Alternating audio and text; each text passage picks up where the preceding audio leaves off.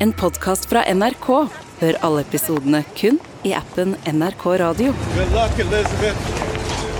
Med moren i den ene hånda og kjæresten i den andre baner den svartkledde Elizabeth Holmes vei gjennom pressekorpset utafor rettslokalet i California. Uh?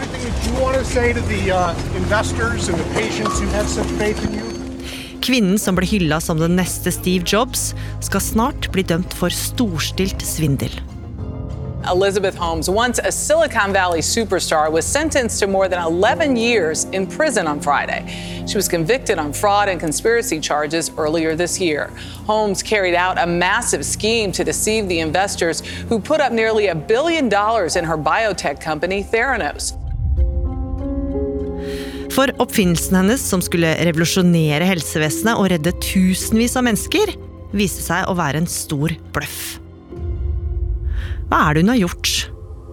Dette er en reprise fra september i fjor. Du hører på Oppdatert. Jeg heter Gry Veiby. De siste månedene har hele USA fulgt med på det som skjer i retten i San José, selve hjertet av teknologiområdet Silicon Valley. For historien om kvinnen med den dype stemmen, de høyhalsa genserne og det blå, intense blikket er helt spesiell. Ina Swan og Ragna Nordenborg fortalte historien om Elisabeth Holmes i en tidligere episode. Elisabeth Holmes hun ble jo født i Washington DC i 1984, inn i en ganske velstående familie. Moren jobba i kongresskomiteen, og faren jobba som byråkrat. Så det å være suksessrik det var nok noe denne familien var ganske opptatt av, mener mange. Ja, hvordan da?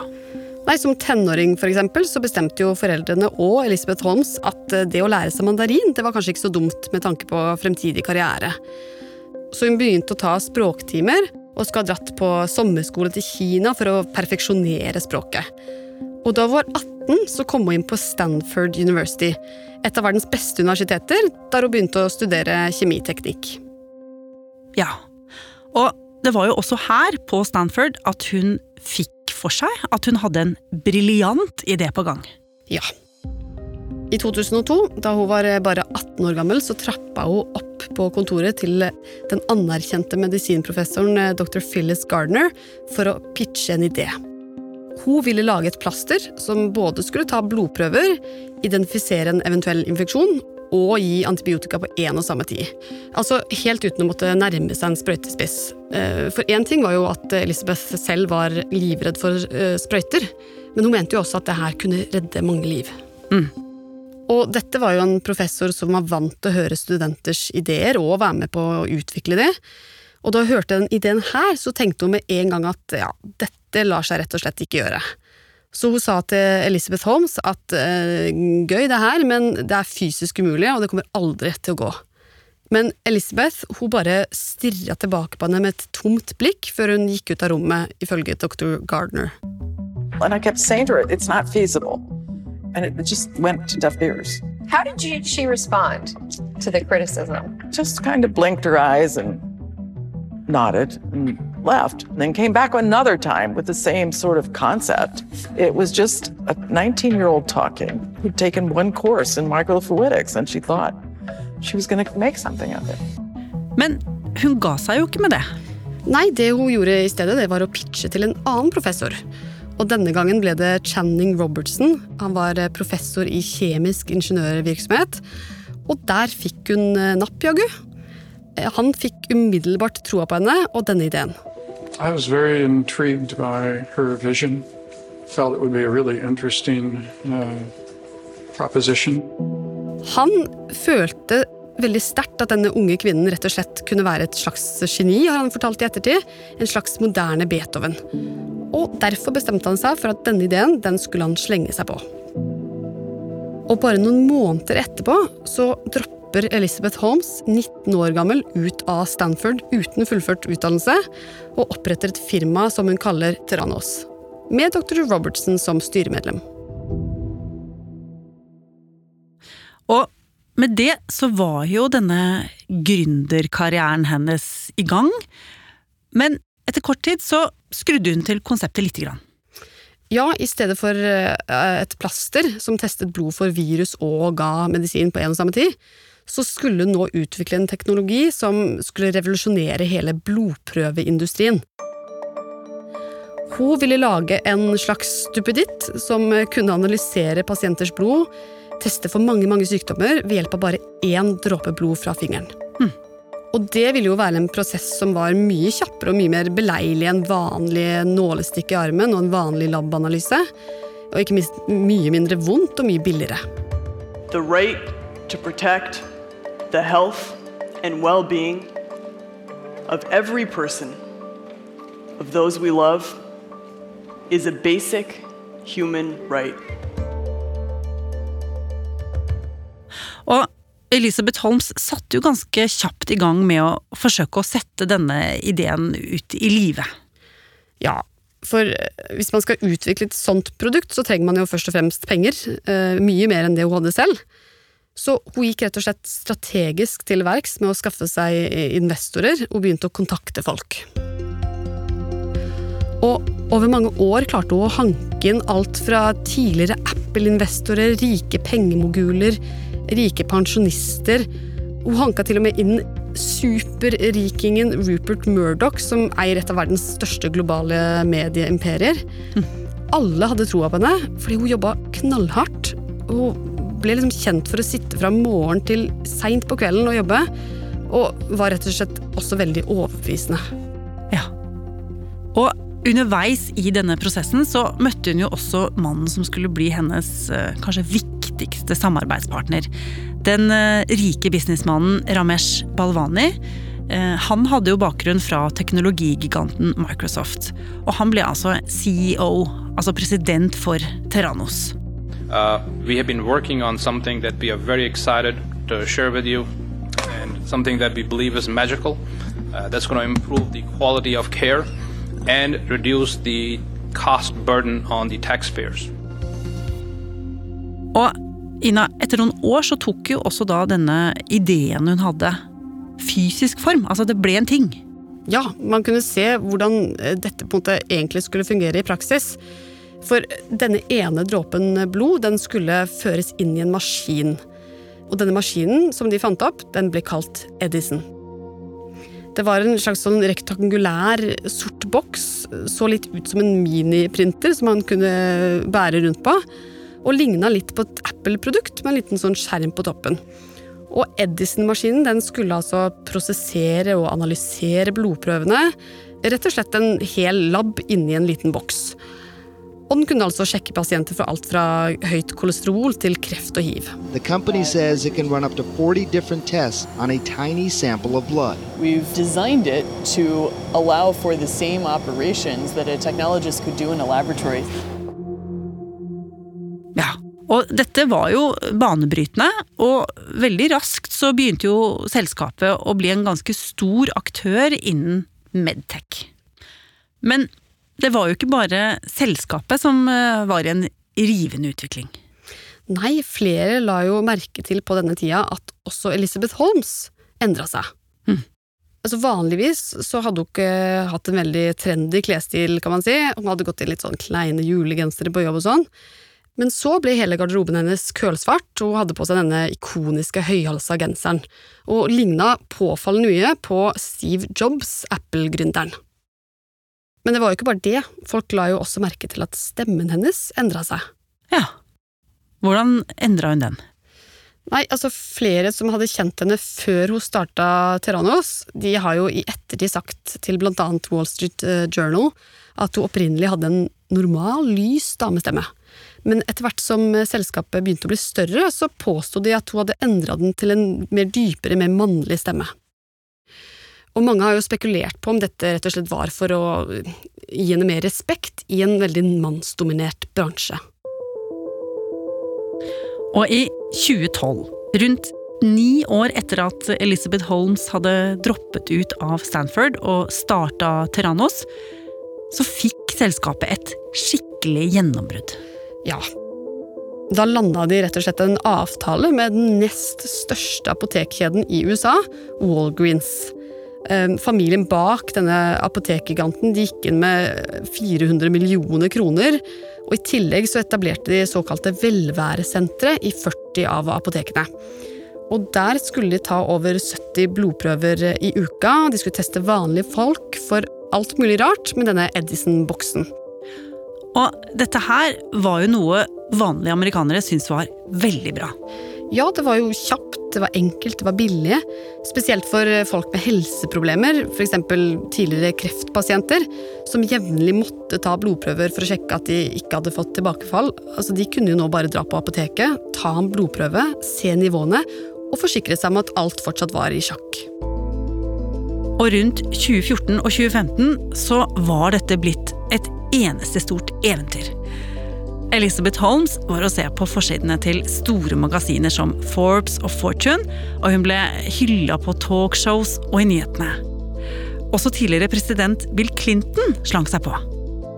Elizabeth, for example, she has become wildly popular among those of us who follow things like this for developing a comprehensive blood test that will tell you all kinds of stuff. Men så, i 2015, kom en journalist i Wall Street Journal over noe som skulle få han til å ville se nærmere på dette Edison-produktet og blodprøvetestingen. Ja. En dag så fikk journalisten John Carreyrou et tips fra en medisinsk ekspert som mente at det var noe som skurra voldsomt med dette Terranos-opplegget. Han hadde nemlig lagt merke til at hver gang Elizabeth Holmes fikk et spørsmål om selve teknologien og vitenskapen bak dette Edison-produktet, så begynte hun ofte heller å snakke om familiehistorien sin og om oldefaren som var en vellykka ingeniør. Og veldig lite om det faktiske produktet og hvordan det fungerte. Og når hun ble pressa til å faktisk snakke om teknologien, så ga det lite mening, mente denne medisinske eksperttipseren. Og Terranos var jo på dette tidspunktet verdsatt til rundt 9 milliarder dollar, så journalisten han begynte å se nærmere på det her. Han kontakta folk som jobba og hadde jobba i Terranos, og fikk også tilgang til noen dokumenter. Og det han oppdaga, det var nok til å slippe en dundrende artikkel som egentlig satte spørsmålstegn ved om denne banebrytende teknologien i det hele tatt funka.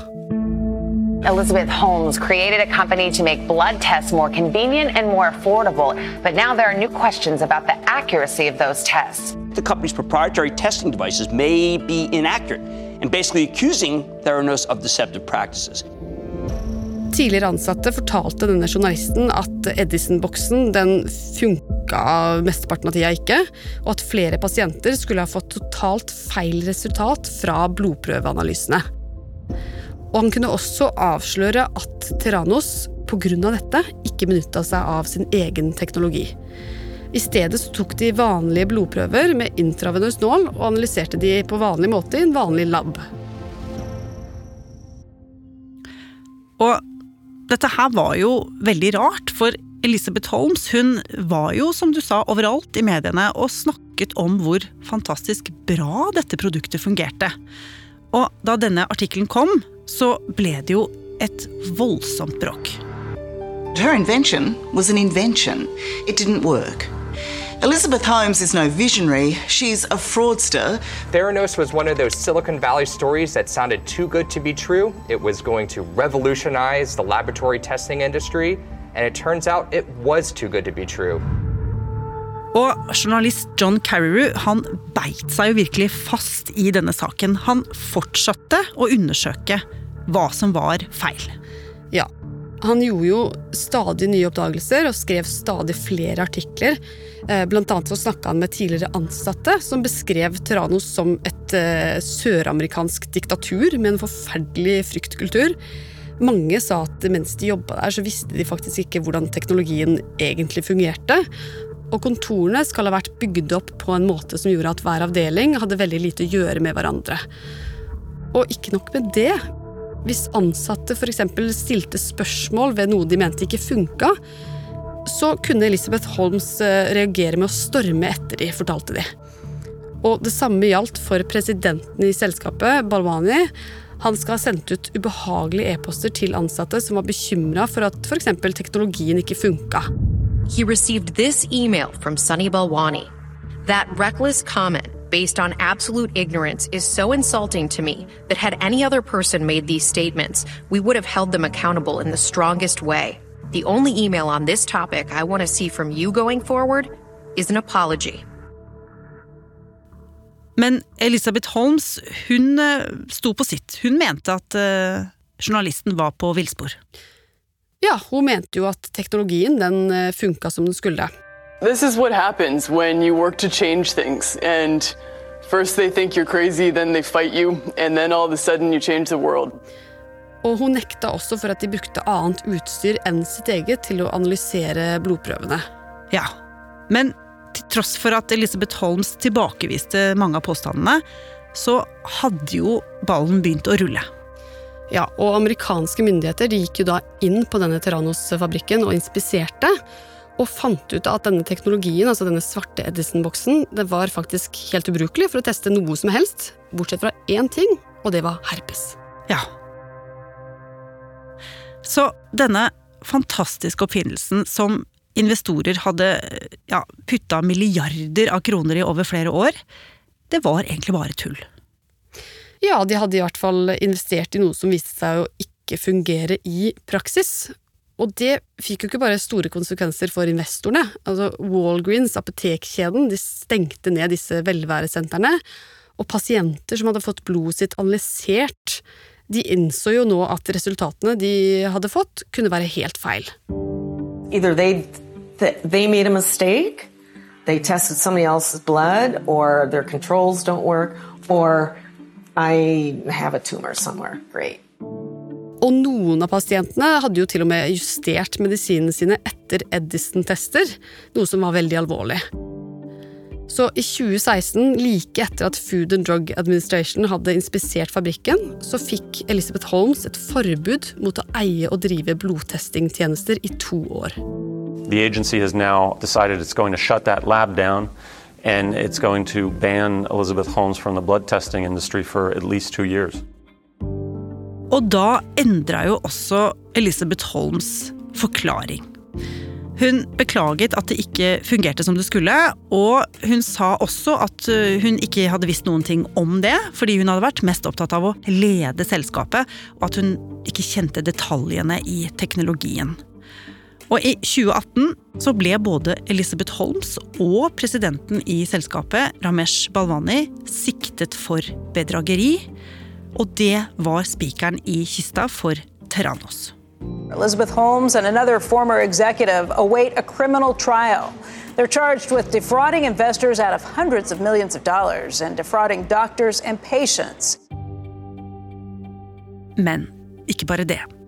Det viste seg jo også at disse to, altså Elisabeth Holmes og Ramesh Balwani, hadde vært hemmelige kjærester i mange år, til investorenes overraskelse. Were you and Sunny Balwani ever engaged in a romantic relationship? Yes, When? for a long period of time. Og i forrige uke starta rettssaken mot Elisabeth Holmes. En av de største rettssakene i USA på mange år, med over 200 vitner, og den skal vare helt fram til desember. Og Elisabeth, som akkurat har forlova seg med en annen mann og fått en sønn, hun risikerer nå 20 år i fengsel. Men ikke bare det, hun risikerer jo også store bøter og ikke minst erstatninger i millionklassen til investorer. Hele framtida hennes avhenger jo nå av denne rettssaken her, og hun må klare å overbevise juryen om at dette ikke var bedrageri. Men det er jo ikke så lett, for aktor påstår jo at hun hele tiden var klar over at teknologien ikke fungerte som den skulle, men at hun fortsatte å lure investorer til å investere millioner i selskapet, altså sammen med Ramesh Balwani. Men det Elizabeth Holmes' advokater sier, det er jo at dette var jo bare en startup som eh, gikk dårlig, som så mange andre startups gjør, og det er ikke noe feil med det. Men da rettssaken starta i forrige uke, så kom det fram noe som kanskje kan så tvil om hvem som egentlig står bak. Og dette kan jo snu hele saken på hodet.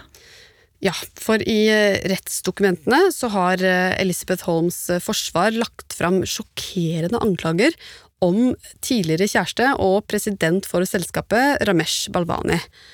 De påstår at han i ti år hadde psykisk og fysisk kontroll over henne. Han bestemte hva hun spiste, hva hun hadde på seg, hvor mye penger hun kunne bruke, hvem hun kunne møte, hvor mye hun kunne sove, og mye mer.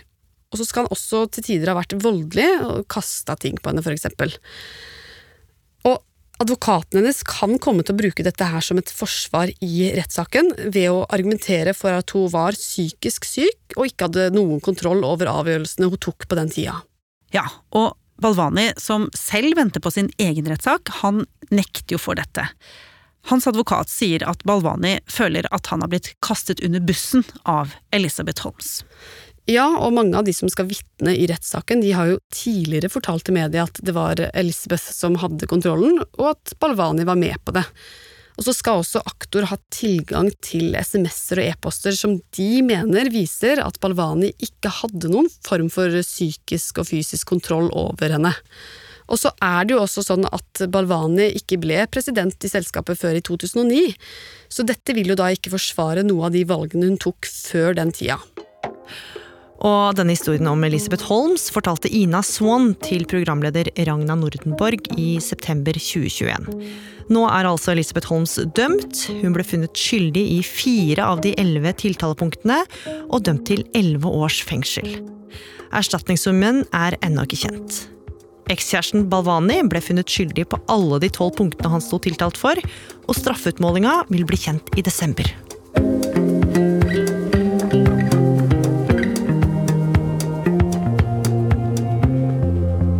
Har du lyst til å bli fast lytter av oss i Oppdatert og få påminnelse om nye episoder, er det bare å følge oss i NRK radioappen. Og så er det veldig hyggelig hvis du vil anbefale oss til en venn. Oppdatert er en podkast fra NRK Nyheter, og denne episoden er laget av Ina Swan, Pål Gauslå Sivertsen, Andreas Berge og meg, Ragna Nordenborg.